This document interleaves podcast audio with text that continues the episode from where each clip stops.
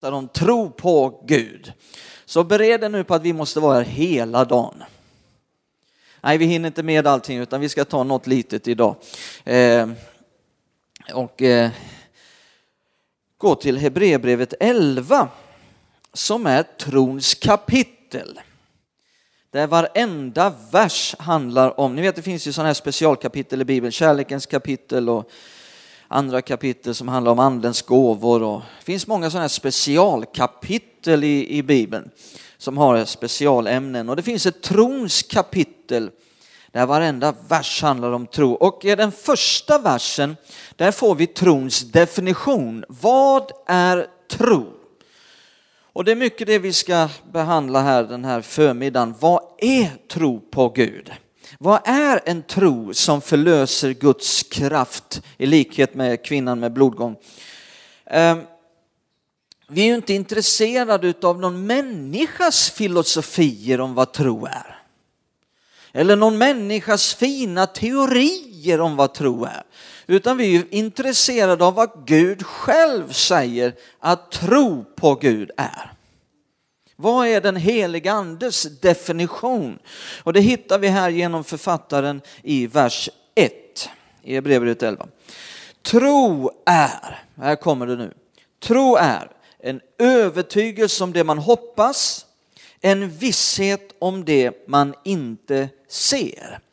Och man kan säga att det finns två definitioner i den här versen.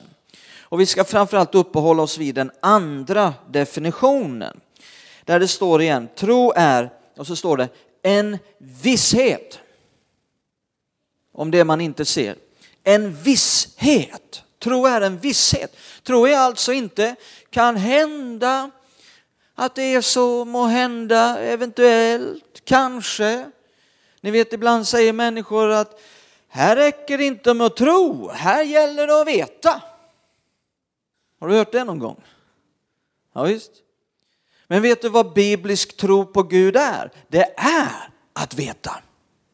Att man vet att man vet att man vet. Lika mycket som du vet ditt namn. Det är en, det är en hundraprocentig visshet. En total vetskap om någonting. Vad då? Vad står det att det är en visshet om? Jo, det står tro är en visshet om det man inte ser. Det här är så bra. Det är precis vad tro är. Tro är en visshet om det man inte kan se. Om du kan se det, då behöver du inte tro. För då ser du det. Jag behöver ju inte ha en tro att jag tror att Simon sitter här. Nej, jag, jag ser det. Så tro handlar om en visshet om det du inte kan se. Man skulle kunna säga det du inte kan ta på. Det du inte kan beröra, det du inte kan höra. Det du inte kan lukta eller smaka, man skulle kunna säga det dina fem fysiska sinnen inte kan komma i beröring med. Det är tro, en visshet om att det är så i alla fall. Det är så i alla fall. Även om jag inte kan se det. Även om jag inte kan känna det. Sett ur en synvinkel så kan man säga att det finns två typer av tro. Jag kan slänga upp den första rubriken där. Två typer av tro kan man säga att det är, sett ur en synvinkel finns. Eh, dels så finns det den här mänskliga typen utav tro. Det är en typ av tro som alla människor har. Det är en typ av tro som eh, man inte ens behöver vara frälst för att ha. Alla har det. Kristen eller inte kristen. Den mänskliga typen av tro, vad är det för en typ av tro? Jo, det är en typ av tro som, som eh, kanske går till fönstret och tittar ut och säger Jag tror det blir dåligt väder idag. Alltså man säger man tror.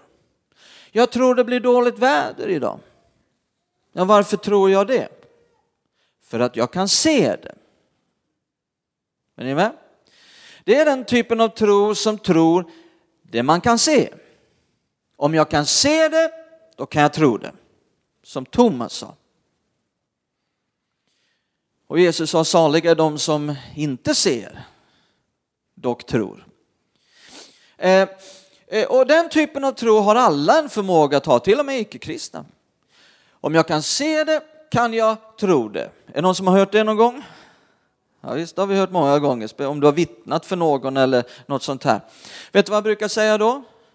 Jag brukar säga, så du tror bara på det du kan se? Jajamän Sven, det stämmer precis. Så du tror inte att du har någon hjärna då? Huh? Ja, har du sett din hjärna någon gång? Nej. Ja, du tror ju bara på det du kan se. Du kanske inte har någon hjärna. Hur vet du att du har en hjärna? Har du sågat av locket och tittat in för att säkerställa att vi har en hjärna? Kanske inte har en hjärna. Har du sett din hjärna någon gång? Ja, men det säger biologiboken. Ja, men du kan ju inte bara tro på en bok sådär. Lita på att det stämmer. Det är blind tro, bara tro på en bok sådär. Nej, hur vet du att du har en hjärna? Det är ju inte för att du har sett hjärnan, utan du ser effekten av hjärnan. Och så vet du att du har en hjärna. Om min hjärna nu skulle bestämma att nu ska jag sparka med höger ben. Det, det var min hjärna. Vi vet jag har en hjärna. Det var hjärnan. Vi ser effekten av hjärnan. Och vet du vad? Jag kan veta att jag vet att Gud, han är universums skapare. Han är vår skapare. Jag kan veta att han sitter på tronen, att det finns bara en sann levande Gud, att Bibeln är sann. Jag kan veta att Jesus är uppstånden, att han lever, att Bibeln är sann. För jag behöver inte se Jesus, jag ser effekten.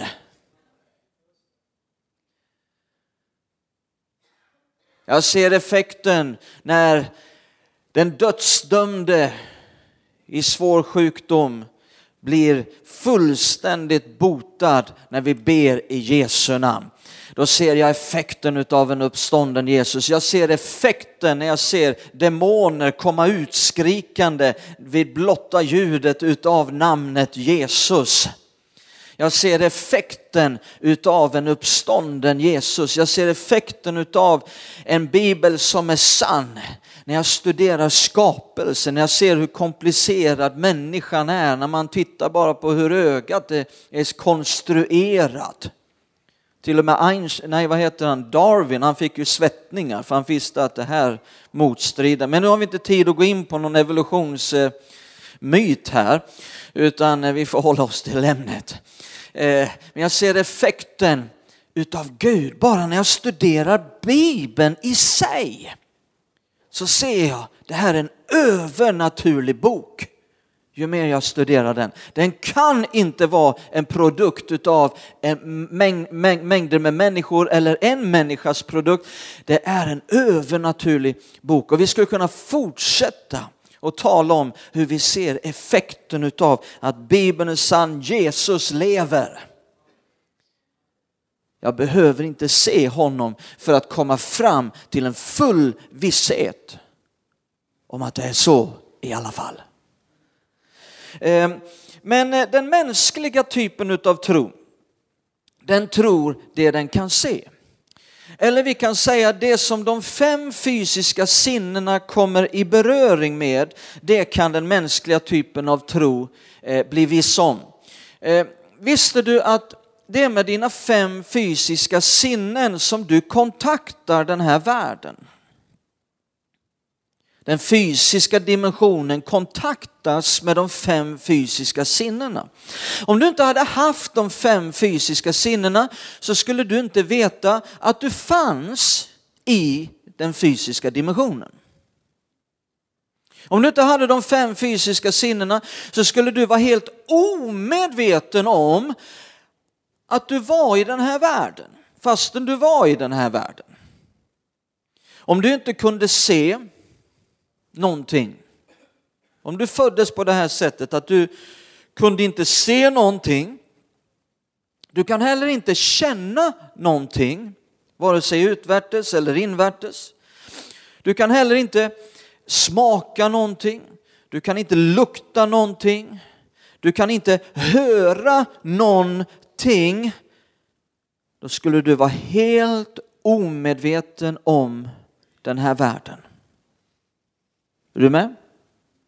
Så dina fem fysiska sinnen matar ditt medvetande med information om hur omständigheterna är, hur situationen är runt omkring. Det blir du mat, det pågår ett konstant informationsflöde genom de fem fysiska sinnena till ditt medvetande om hur läget är runt omkring dig 24 timmar om dygnet. 60 minuter i timmen. 60 sekunder i minuten så pågår ett ständigt kontinuerligt oavbrutet informationsflöde till ditt medvetande genom de fem fysiska sinnena. Ja men Sven, inte när jag sover. För då är jag helt omedveten om den här världen. Jag vet inte ens var jag har fötterna. Jo då, till och med när du sover. Det räcker ju med att jag kommer och skriker i örat på dig när du sover. Så nog var hörselsinnet påkopplat och ger information om att det är något obehagligt i omständigheterna. Eller jag kommer att killa dig under fötterna när du sover. Så nog var känselsinnet påkopplat och gav information om att vad, vad, vad, vad är det som pågår nu här i mina omständigheter. Och lyssna nu, den mänskliga typen av tro, här kommer det viktiga, den mänskliga typen av tro grundas på den informationen. Om den informationen säger att det är så, då är det så. Det är den mänskliga typen av tro, den grundas på det. Men vi har också en annan information. Halleluja. Vi har en annan information. En information från den levande guden om vårt liv, vår situation och våra omständigheter. En information som kommer till oss genom det levande skrivna Guds ordet och genom hans ande som bor i oss. Så kommer en information från Gud. Och tro på Gud, den andra typen av tro, inte den mänskliga typen av tro, utan den andra typen av tro, tro på Gud, grundas på den informationen. Informationen från Gud. Och det var det som Abraham gjorde. Gud sa det redan klart. Ja, men jag har inte en enda son. Du är en fader till många folk. Ja, men jag har ju ingen son. Du är det. Ja, men jag kan ju inte se det. Jag kan inte känna det. Ja, men det är så i alla fall. För tro är en visshet om det man inte ser. Så Abraham var viss om att, inte att det skulle bli, utan att det var. Det var redan klart. Jag är, inte skall bli, jag är en fader till många folk. Fast han inte kunde se det. Det är vad tro är. Tro är en visshet om det man inte ser. Men ibland så kan dessa två informationsflöden tala motsatt språk. Den mänskliga typen av, av, av, tro, eh, informationen från de fem fysiska sinnena och informationen från Gud om våra liv, om samma sak, kan tala motsatt språk. Inte alltid, men ibland. Det kan till exempel vara att du ser i plånboken, det var väldigt vad tomt det var. Och sen ser du synsinnet, du ser räkningshögen, du ser saldobeskedet på bankkontot 0,17 kronor. Du hör någonting också. Du hör frun som säger, vi har inga pengar, vi har inga pengar, kylskåpet är tomt, vi har ingen mat, vi har inga pengar, vad ska vi ta? Du liksom hör hör någonting och du känner någonting också. Du känner hur magsäcken skrapar mot ryggraden för det var så länge sedan du åt. Och alla de här fem fysiska sinnena talar om för dig, nu är det ute med dig, du har inga pengar, det är privat konkurs, det går ut för det går under. Och det här bara talar till dig hela tiden. Hela dygnet. Vaknar du på natten så är det där med dig i sängen och bara talar till dig. Och du ligger där med ögon som pingisbollar. Liksom. Det talar till dig. Men vi har en annan information. Jag sa vi har en annan information. En information ifrån den levande guden genom hans ord, genom hans ande som säger Jag är Herren din försörjare. Jehova Jireh på hebreiska. Jag undrar vad Jehova Jireh betyder. Jag tänkte det betyder han girerar in pengar till mig. Nej, det betyder inte betyder Herren är min försörjare. Vi har en information som säger psalm 23, vers 1. Herren är min herde, mig skall inget fattas. En del läser ju det och tror att det står Herren är min herde, jag fattar ingenting. Men det var inte det det står, det står Herren är min herde, mig skall inget fattas. Vi har en information där Jesus säger om dessa där ute i världen som är onda förstår att ge sina barn goda gåvor, hur mycket mer skall då inte er himmelske fader ge vad gott är åt dem som ber honom. När vi ber honom om fisk så ger han oss inte en sten, när vi ber honom om om eh, bröd så ger han oss inte en sten, när vi ber om fisk så ger han oss inte en orm, sa Jesus. Vi har en information som säger i Filipperbrevet 4.19 så skall min Gud i fullt mått och på ett härligt sätt i Kristus Jesus ge er allt vad ni behöver. Vi har en information som säger, David säger, jag har varit ung, jag är nu gammal, men jag har aldrig sett den rättfärdige övergiven eller hans barn gå efter bröd. Vi har en information som säger, Gud upprätthåller oss med sin rättfärdighets högra hand. Vi skulle kunna fortsätta hela dagen. Vi har en information med andra ord ifrån Gud. Du är, du är omhändertagen, du behöver inte bekymra dig, jag tar hand om dig. Du kan slappna av. Vi har en information som säger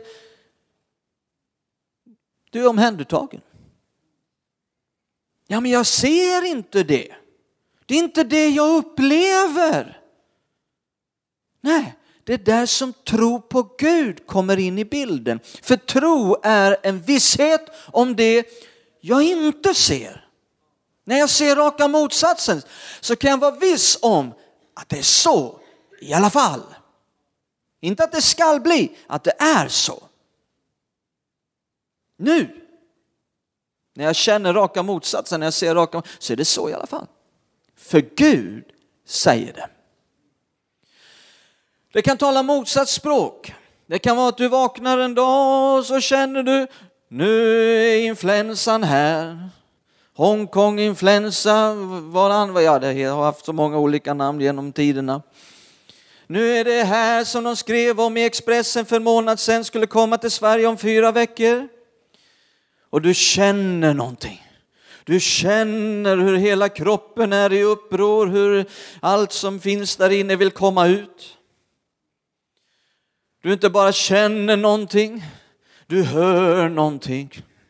Du hör hur familjen är redan, inne, är redan igång. Du hör något från toaletten. Barnen är igång. Liksom, jag, jag har varit där. Mitt i nätterna.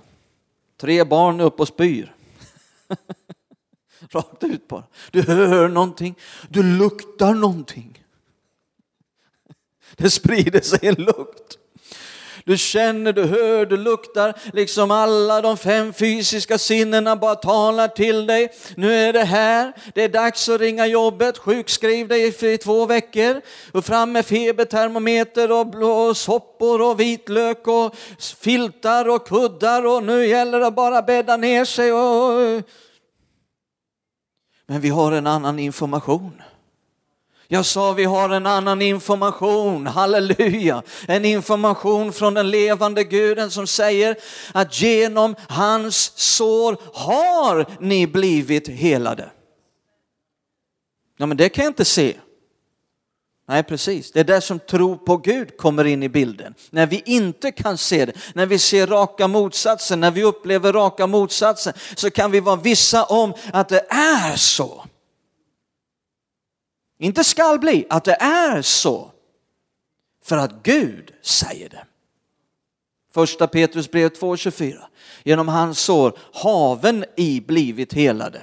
Står det i gamla översättningen. Och jag tänker så här om, i haven så haven jag. Och haven jag så ären jag. Arne kom förbi mig här innan gudstjänsten så sa han haven tro. Halleluja.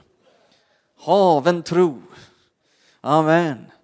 Vi har en information ifrån Gud som säger jag är Jehova Raffa. Vad betyder det? Hebreiska betyder jag är Herren din läkare. Vi har en information som, från Gud som säger, Jesaja 53, han tog våra synder men han tog också våra sjukdomar, våra smärtor bara. Ja men inte det jag ser, det är inte det jag känner, nej det talar motsatt språk. Och lyssna nu noga.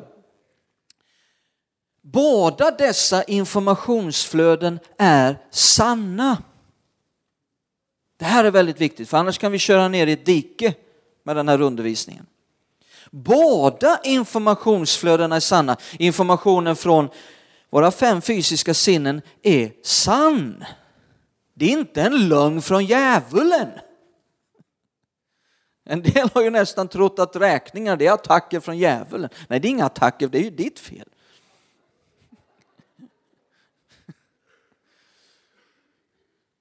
Och, och, och, och är man sjuk så är man sjuk, det är sant. Det är ju inte en lögn från djävulen. Du vet, det finns sådana här eh, överdrifter på en del håll. Nej, det är sanning. Men kan vi hålla med om att Guds ord är också sant? Även om vi inte ser och känner det. Om han, Bibeln säger summan av ditt ord är sanning.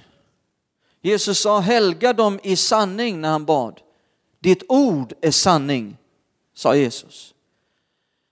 Jesus om ni förblir i mitt ord ska ni förstå sanningen och sanningen ska göra er fria. Så det Gud säger är också sant. Men här sker ett vägval. När det talar motsatt språk så sker ett vägval. Vilken typ av tro ska vi vandra i? Den mänskliga typen av tro som kan vara viss om det jag ser? Eller ska vi vandra i tro på Gud? Och vägvalet sker genom vilken sanning vi sätter högst.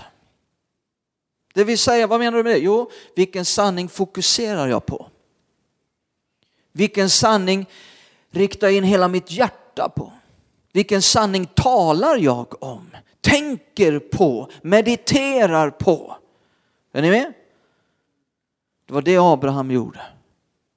Fokusera, han var ute och räknade stjärnorna. Gud säger, Gud säger, Gud säger. Så här många avkomlingar ska jag få. Och till slut så var han bara så viss om att ja, det är lika bra att kalla mig för en fader till många, för jag är det nu. Även om ingen annan ser det. Jag ser, jag ser det ingen annan kan se. Jag ser det här inne. Jag har det nu. Han blev så viss om det. Titta här nu ska vi gå till Markus 11 när Jesus illustrerar just det här vi talar om. Markus 11.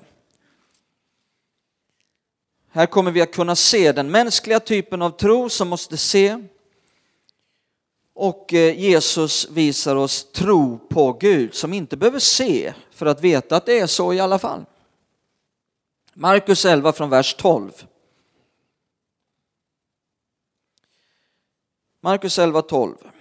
När de dagen därefter var på väg från Betania blev han hungrig. På långt håll såg han ett fikonträd som hade gröna blad. Han gick dit för att se om han skulle finna något på det. Men när han kom fram till trädet fann han ingenting annat än blad. Var det då inte fikonens tid? Jesus sa till trädet, aldrig någonsin ska någon äta frukt från dig. Detta hörde hans lärjungar.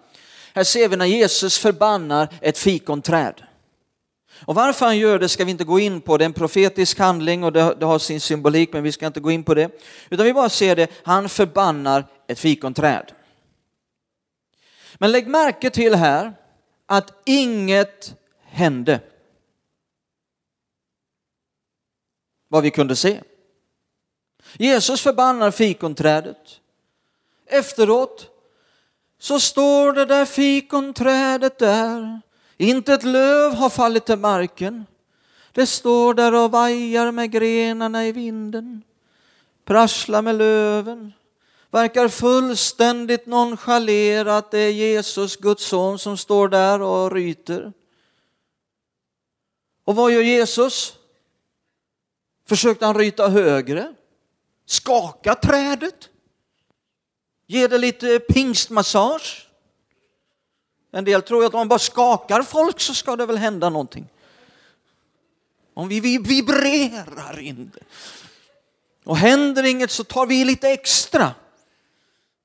Nej, Jesus talade till fikonträdet och så gick han vidare. Tittade inte ens sig om. Och då står det någonting här, lägg märke till detta nu. Aldrig någonsin äter någon frukt ifrån dig. Och så står det till sist i vers 14, detta hörde hans lärjungar. Jag tror det blev en kris i lärjungarnas liv. De var ju vana vid att det hände saker när Jesus talade. Han sa tig var stilla till sjön och i nästa sekund så var det spegelblank sjö så man kunde se myggorna hoppa på vattenytan. Han talade till graven, Lazarus kom ut. Nästa sekund så kom ju den döde ut. Han talade till den spetälske, bliv ren. Två ord ifrån Jesus så blev den spetälske ren. Här talar han till fikonträdet och inget händer. Jag tror det blev en fullständig kris. Detta hörde hans lärjungar. Jag kan tänka mig hur Petrus säger till Jakob. Jakob, har han tappat kraften? Är han inte Messias som jag trodde och bekände? Vad har hänt? Thomas säger, det var det jag trodde hela tiden. Och så går de nervöst och oroligt efter Jesus som redan är på väg någon annanstans. Och jag kan tänka mig att så länge de kunde se det där fikonträdet så vände de sig om och hoppades. Men åtminstone ett löv, och vi måste ju få se något. Nej, inget har hänt. Och nervösa och oroliga följer de med Jesus. Titta nu fortsätter vår berättelse framme i vers 20. Vers 20. När de tidigt på morgonen gick förbi fikonträdet såg de Lägg märke till orden såg de, stryk under det, ringa in det, skriv upp det, gör vad du vill, men lägg märke till det. Såg de, nu kunde de se att det hade torkat nerifrån roten. Petrus kom ihåg vad som hade hänt och sa till Jesus, Rabbi! Nu tror Petrus att nu har han goda nyheter. Rabbi!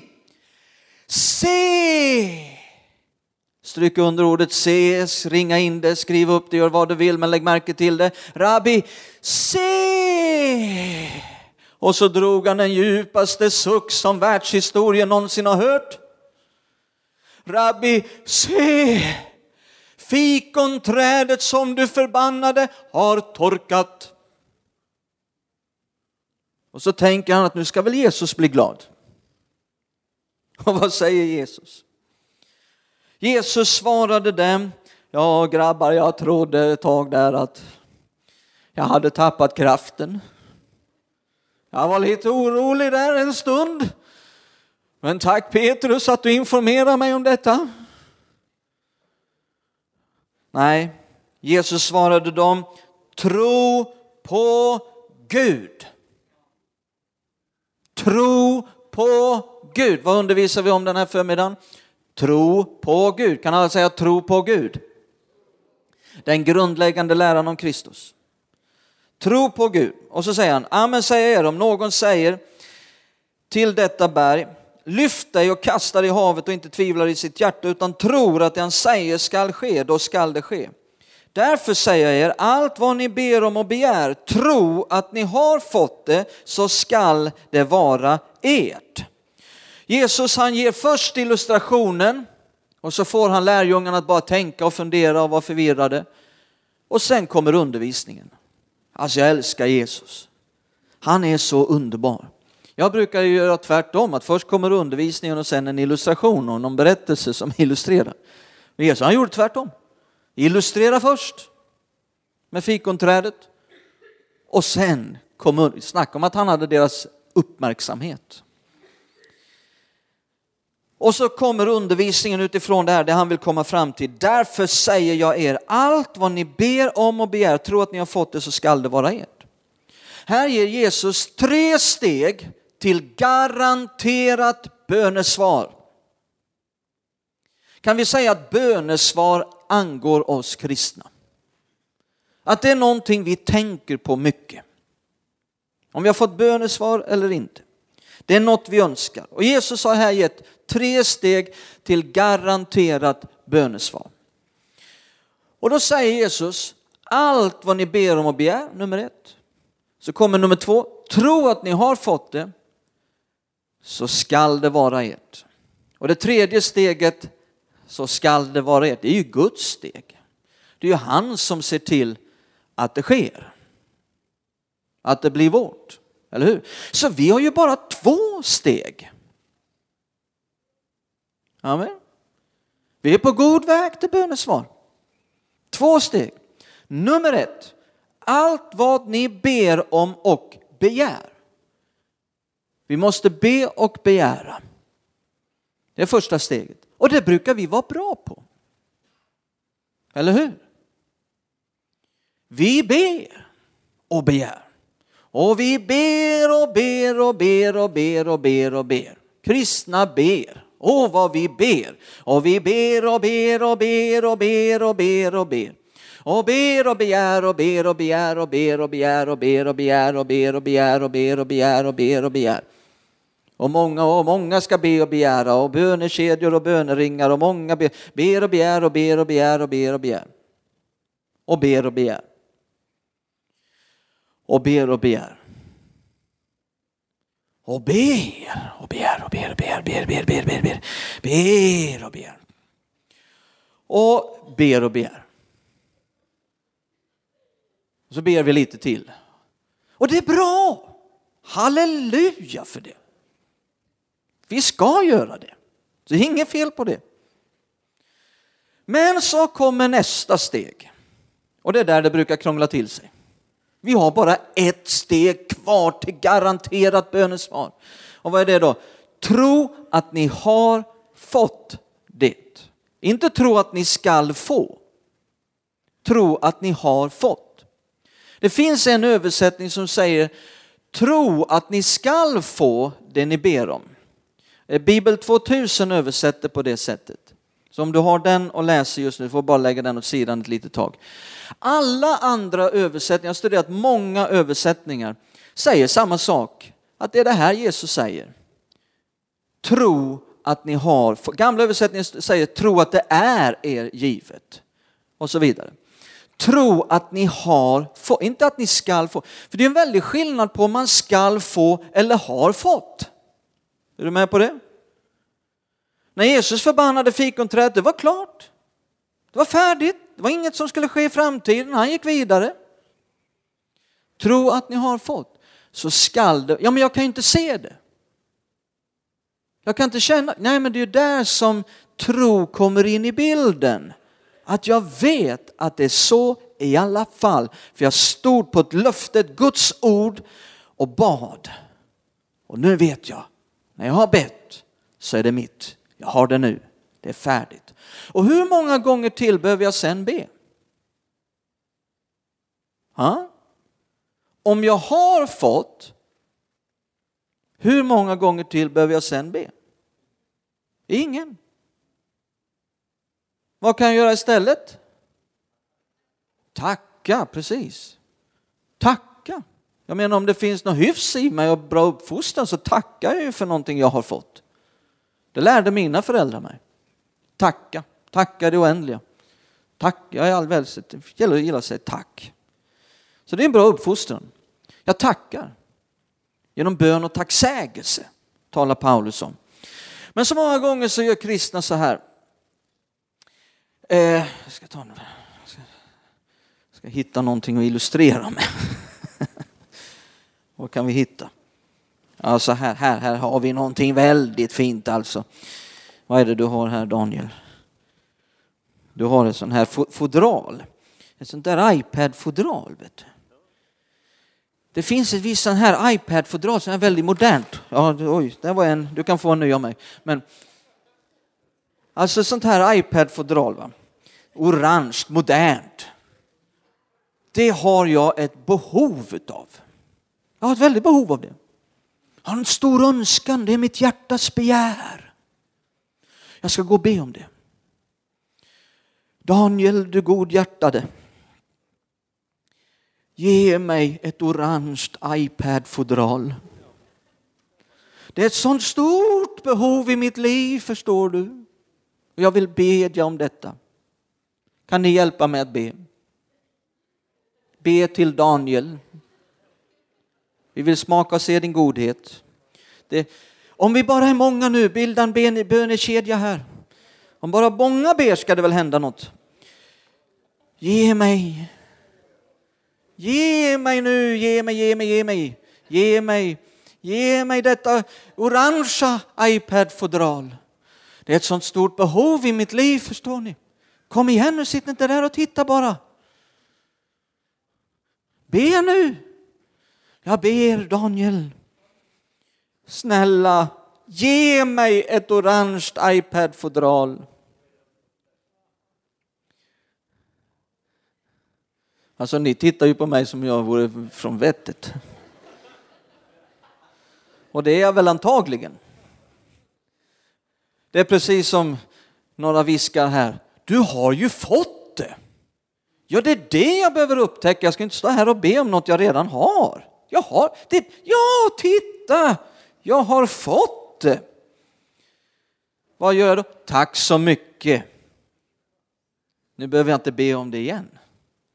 Men så många gånger så blir det aldrig det här mottagandet i tro, utan vi ber om samma sak om och om och om igen. Det är det Jesus vill förklara för oss. Smith Wigglesworth, den store pingstaposten som hade väckelse på världens alla kontinenter och uppväckte mellan 20 och 30 döda och, och så vidare. Dog, gick hem till Herren 1948. Helt enorm gudsman. Han sa, om du har bett om samma sak sju gånger så har du bett minst sex gånger i otro. Om du har problem med det så diskutera inte med mig för det var inte jag som sa det. Får diskutera med Smith Wigglesworth. När du kommer till himlen. Men det ligger någonting i det. Men lyssna nu på mig. Vi talar nu inte om förbönstjänst, vi talar inte om när vi ber för Skövde eller för Sverige eller för missionsfält eller för din granne som behöver bli frälst eller din moster i Småland eller någonting annat. Vi talar inte om förbönstjänst nu, utan nu talar vi om trons bön. Vi har inte tid att gå in på det här så jättemycket. Men det här är en princip eh, som eh, första Johannesbrev 5 handlar om och Jakobsbrev 5 handlar om trons bön. Och det handlar om när du ber för ditt liv för ditt eget privata liv. När du ser någonting i Guds ord, ett löfte från Gud för ditt liv eh, och du ser att Jesus har köpt detta åt dig genom försoningsverket. Och att Gud har redan förklarat att han vill att du ska ha detta i ditt liv. Jesus har köpt det åt dig. Och att du ställer dina fötter på Guds ord, på hans löfte och ber och där kan du ta emot. Där, det gäller ditt liv. Det finns olika typer av bön och det finns vissa typer av bön där man kommer tillbaka, man behöver be igenom, man ber många gånger. Eh, så det finns olika principer för olika typer av bön. Vad vi talar om nu är trons bön, där du ber för ditt liv eller ditt hushåll eller eh, dina barn eller det som hör till ditt hem och till ditt hus. Där fungerar detta. Eh, Smith Wigglesworth vid ett tillfälle så var det en väldigt svårt sjuk man som de bar in på en bår i ett av hans möten. Läs gärna gammal litteratur och böcker om hans liv. Och, oj, vad vi har att lära utav den mannen. Jag tror, jag, det har ryktats om att han var i Skövde. 1922, tack Dag, var han här i Skövde. Alltså det finns så mycket att lära utav dessa tidiga pingstpionjärer, deras liv med Gud, det de predikade och, och Wigglesworth är en utav de eh, stora föredömena. Och eh, vid ett möte, va, man bara, man, eh, han var svårt, hela kroppen var full av cancer.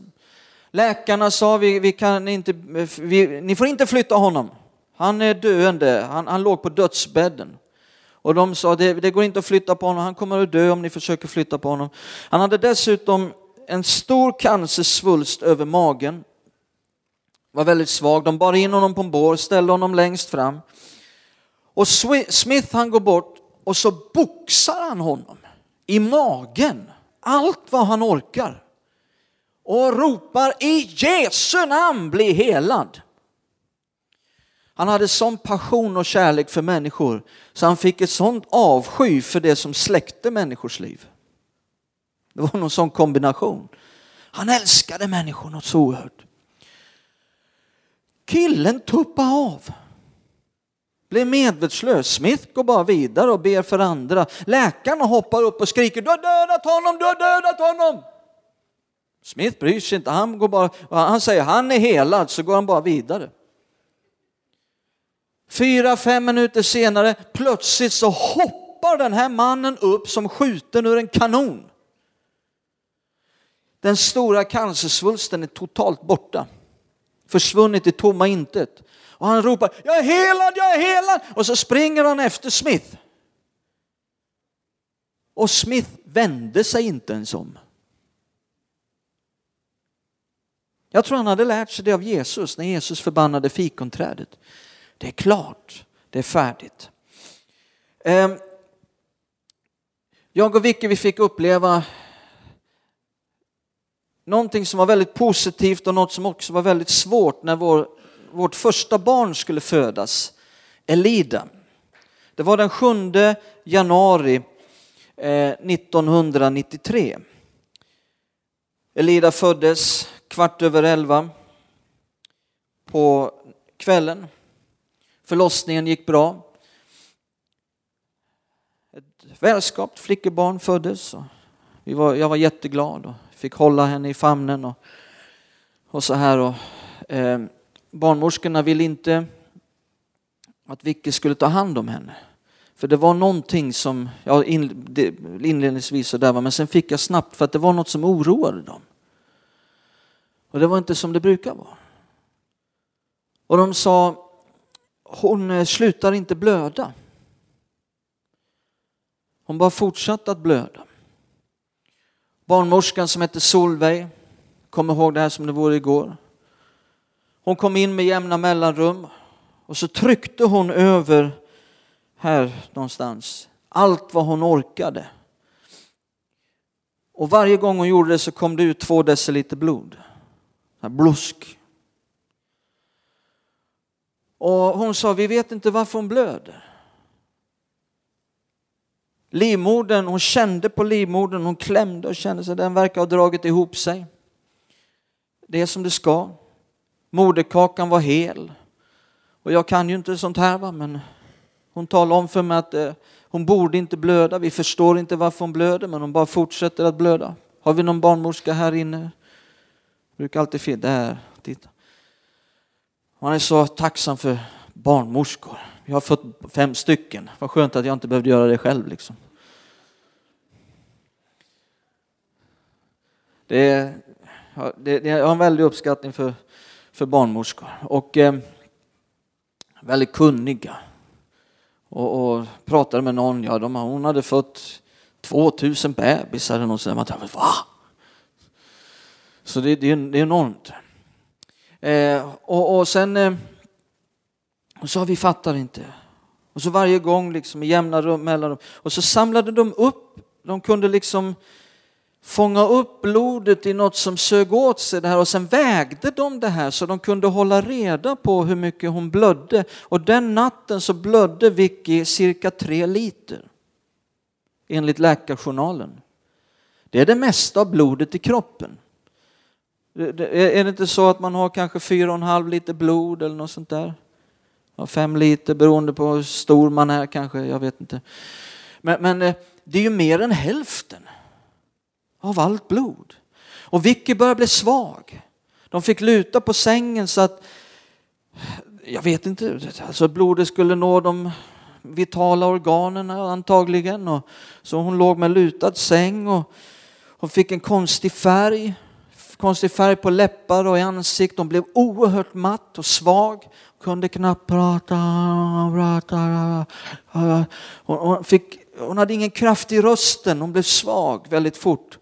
Och det här fortsatte. Klockan blev tolv på natten. Klockan blev ett på natten. Klockan blev två. Klockan blev tre. Och hon fortsatte att blöda oavbrutet, oförminskat, samma mängd blod. Varje gång de tryckte kom ut ett par deciliter blod. Och den natten när klockan var tre, min vän, jag kände ingen tro. Tro har inte att göra med någonting man känner. Du vet, ibland kan man känna sig trosfrisk efter en gudstjänst, efter en bra predikan och det har sjungits bra, mötesvärdarna var trevliga och, och, det, och så kommer man ut, oh, halleluja, Jesus lever! Liksom, ibland kan man känna tro. Men de största mirakler jag har sett har inte varit när jag har känt en massa tro. Utan tro har att göra med ditt hjärta, någonting du har sått in. Du agerar på ett Guds ord. Och, och jag, klockan blev halv fyra. Jag kände mera som att min hud ville vändas ut och in. Jag såg den jag älskar allra mest ligga där och lida på det här sättet. Jag kände som jag ville ta hennes plats som jag kunde. Klockan blev halv fyra, då kallade de in läkare, sköterskor. Jag glömmer det aldrig när läkaren satt på en stol vid Vickis fotända klockan halv fyra på morgonen. Och han ser väldigt bekymrad ut. Så tittar han på mig, förklarar situationen. Han säger, vi vet inte varför hon blöder, hon borde inte blöda. Om hon inte slutar nu så måste vi ta in henne på operationssalen, vi måste öppna, vi måste titta varför hon blöder. Och hittar vi inte varför hon blöder så kan vi behöva operera bort livmodern för att rädda hennes liv. Och när jag stod och hörde det här så tänkte jag, här kan jag stå och se på när de rullar in min fru på operationssalen. Stå och se på när de öppnar henne. Stå och se på när de tar bort livmodern. Stå och se på och konstatera, vi kommer aldrig att ha någon mer barn om de kan rädda hennes liv. Eller så kan jag agera som om Bibeln är sann. För Bibeln är sann. Det är när vi agerar som om Bibeln är sann som vi ser bibliska resultat. För den är sann. Så jag sa till Vicky, vi behöver be. Läkaren gick ut. Vi blev lämnade ensamma en liten stund. Jag sa till Vicky, vi behöver be. Jag tog hennes hand. Och så berättade jag för fadern, för vår Gud, hur situationen var, hur diagnosen är, som om han inte visste någonting. Och så sa jag, Fader du vet vad såret är. Och du är vår läkare. Och nu ber jag att du ska tillsluta det här blodflödet, läka det här såret. Jag ber att inte en droppe blod till ska spillas från min hustrus kropp. Jesus, du har sagt att vad helst vi ber Fadern om i ditt namn, det skall vi få för att vår glädje ska bli fullkomlig. Vi står på det ordet, vi står på det löftet. Tack Fader i Jesu namn. Bad en enkel bön. Och sen fortsatte vi att tacka Gud. Jag sa tack Fader att du har läkt det här såret nu. Tack Fader att du har täppt till det här blodflödet. Tack att inte en droppe blod till ska spillas från min hustrus kropp. Och jag hörde att Vicky med sin svaga röst tackade Gud. Som om det redan var färdigt, som om det redan var klart. Medan vi håller på och bara tackar Gud så öppnas dörren och Solveig kommer in och går med oroliga steg fram till fotändan för att göra en sista koll och trycker allt vad hon orkar över magen. Och inte en droppe blod kom ut. Halleluja. Jesus är värd all ära. Gud är värd all ära. Och så tittar Solveig på mig och ler det bredaste leende jag någonsin har sett. Jag trodde huvudet skulle klyvas. Och drar den djupaste suck jag någonsin har hört. Och så säger hon till mig, hon har slutat blöda. Och jag sa, ja, jag vet. Precis innan du kom in nu så, så bad vi till Gud. Och Jesus har varit här och, och botat henne. Och då började Solveig att gråta. Hon grät. Tårarna strömmade ner för hennes ansikte för hon förstod att Jesus hade varit där och gjort ett under. Ja, det är ett mirakel. Hon kunde konstatera det. Och man kan se det i läkarjournalen över natten där, hur mycket hon blödde för varje timme och vid halv fyra, pang, där slutade blodflödet. Guds ord fungerar. Tro på Gud fungerar. Ska vi stå upp tillsammans? Kan någon spela lite försiktigt? Jag tror att vi ska göra en speciell inbjudan här idag och be för var och en som behöver förbön på ett speciellt sätt. Kan jag få be våra förebedjare att komma fram? Ni som tjänar i förbön. Skulle ni kunna komma fram? jag vet att ni är redo. Kan ni ställa er på första trappsteget här?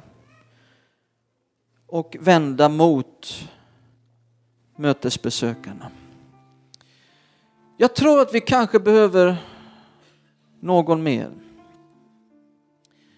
Skulle jag kunna be ni som är hemgruppsledare, ni tillhör ett viktigt ledarskikt i församlingen. Kan jag få be ni som är hemgruppsledare att ni också kommer fram och ställer er här på första trappsteget, var och en som är hemgruppsledare.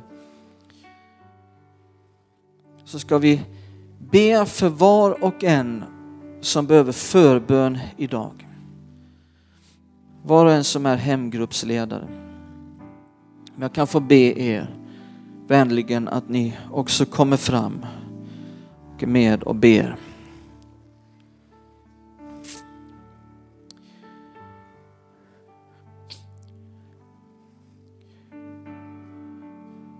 Vi ska ta bara en, några minuter, en liten stund. Kvinnan med blodgång, hon trängde sig fram som vi såg i dramat. Hon tänkte om jag bara rör vid honom så ska jag bli helad. Det har ingenting med någon människa att göra. Det har ingenting med mig att göra. Det har ingenting med någon av dessa som står här framme som är redo att be för var och en som vill ha förbön idag. Det har med Jesus att göra, att han är här. Han är här. Han är här för att röra vid dig. Och för att du får en beröring på samma sätt som kvinnan med blodgång fick en beröring. Hon kom i kontakt med Jesus. Jesus är här. Han är uppstånden, han lever, han är i Skövde idag. Han är i Pingstkyrkan idag. För att göra det han alltid har gjort. Bota sjuka, befria människor. Läka sår, fysiska, själsliga. En förvandling vill han ge till var och en som önskar tränga sig fram, tränga sig fram, förbi allt som vill hindra. Vi ska sjunga en liten enkel lovsång, en liten stilla lovsång. Och medan vi gör det så är du välkommen fram.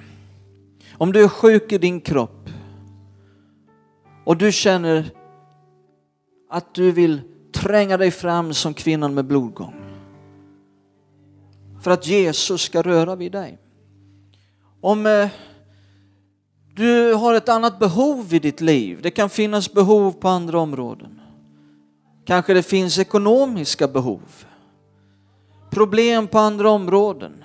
Jesus kan förvandla liv. Du kanske känner dig bunden på något område. Att det finns någonting som du vill bli fri ifrån. Någonting som håller dig ett grepp som du inte vill ha i ditt liv. Och du önskar att någon ber för dig. Och Jesus sa om två av er här på jorden kom överens att be om något vad det än är så skall de få det av min fader som är i himlen. För var två eller tre är församlade i mitt namn. Där är jag mitt ibland dem. När Jesus sa det då talade han inte om gudstjänst, han talade om bönetillfället. Där två eller tre ber tillsammans så skall de få det. För där två eller tre. Det blir du, det blir en till som ställer sig tillsammans med dig i bön och ber för dig och ber till Gud. Där sa Jesus, där är jag mitt ibland de två. Där är jag mitt ibland de två, de tre. För att göra det som de ber om. Varsågod, ta, ta oss med i en lovsång. Kom fram nu, du som vill få förbön. Välkommen fram. Välkommen fram medan vi sjunger den här sången. Du behöver inte vänta, du kan komma fram nu. Träng dig fram. Ja, om jag måste ta mig förbi fem stycken, träng dig fram. träng dig fram som kvinnan med blodgång. Hon lät inget hindra. Inget behöver hindra dig från din dag. Det här är din dag av mirakel. Det här är din dag av under. Det här är din dag av förvandling. Det här är din dag. Frälsningens dag är nu. Paulus sa, han bönhör oss i behaglig tid. På frälsningens dag så hjälper han. Men Paulus sa i nästa mening, nu, nu är den välbehagliga tiden. Nu är frälsningens dag. Jesus har redan köpt det på korset för 2000 år sedan. Därför behöver vi inte vänta längre, för det är redan klart, det är redan färdigt. Det är redan gett ifrån himlen. Vi behöver bara sträcka oss ut som kvinnan med blodgång och ta emot det. För det är här. Det är här, nu. Lika mycket som kvinnan med blodgång sa, det är nu. Det är här. Jesus är här. Jag är här. Jag sträcker mig ut. Välkommen fram, vem du än är. Vem du än är.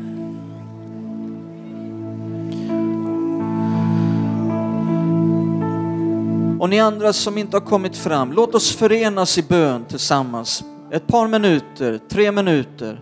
Vi förenas i bön för de som har kommit fram. Ska vi göra det? Fader Gud. Fader Gud, i Jesu namn, vi ber för var och en som har kommit fram idag. De har kommit fram till dig, Jesus. De har inte kommit fram till någon människa. De har kommit fram för att se på dig. Fästa sin blick på dig, sträcka sig ut efter dig. Gud, det står i ditt ord att alla som kom till Jesus blev botade. Alla som rörde vid honom blev hjälpta. Ingen blev avvisad, ingen blev bortvisad. Ingen fick svaret, du måste vänta till någon annan dag. Nej, Jesus, du rörde vid var och en som kom till dig. Och du är densamme idag. Och jag ber Fader för var och en. Låt det ske nu. Räck ut din hand till att bota de sjuka. Räck ut din hand till att befria den bunne. Stärk maktlösa händer idag. Ge kraft åt vacklande knän, jag ber. Styrk den modfällde som vill ge upp. Som känner att den orkar inte mer. Som inte ser någon utväg. Som inte ser någon framtid, som bara ser mörker.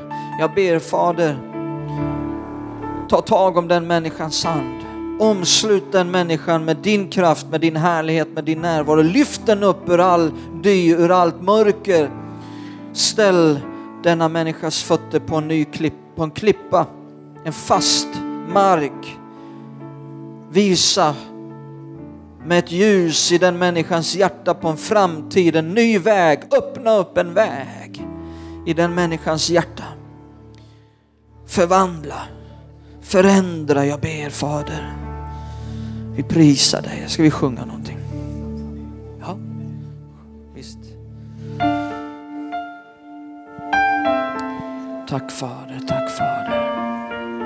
Tack Fader, jag prisar dig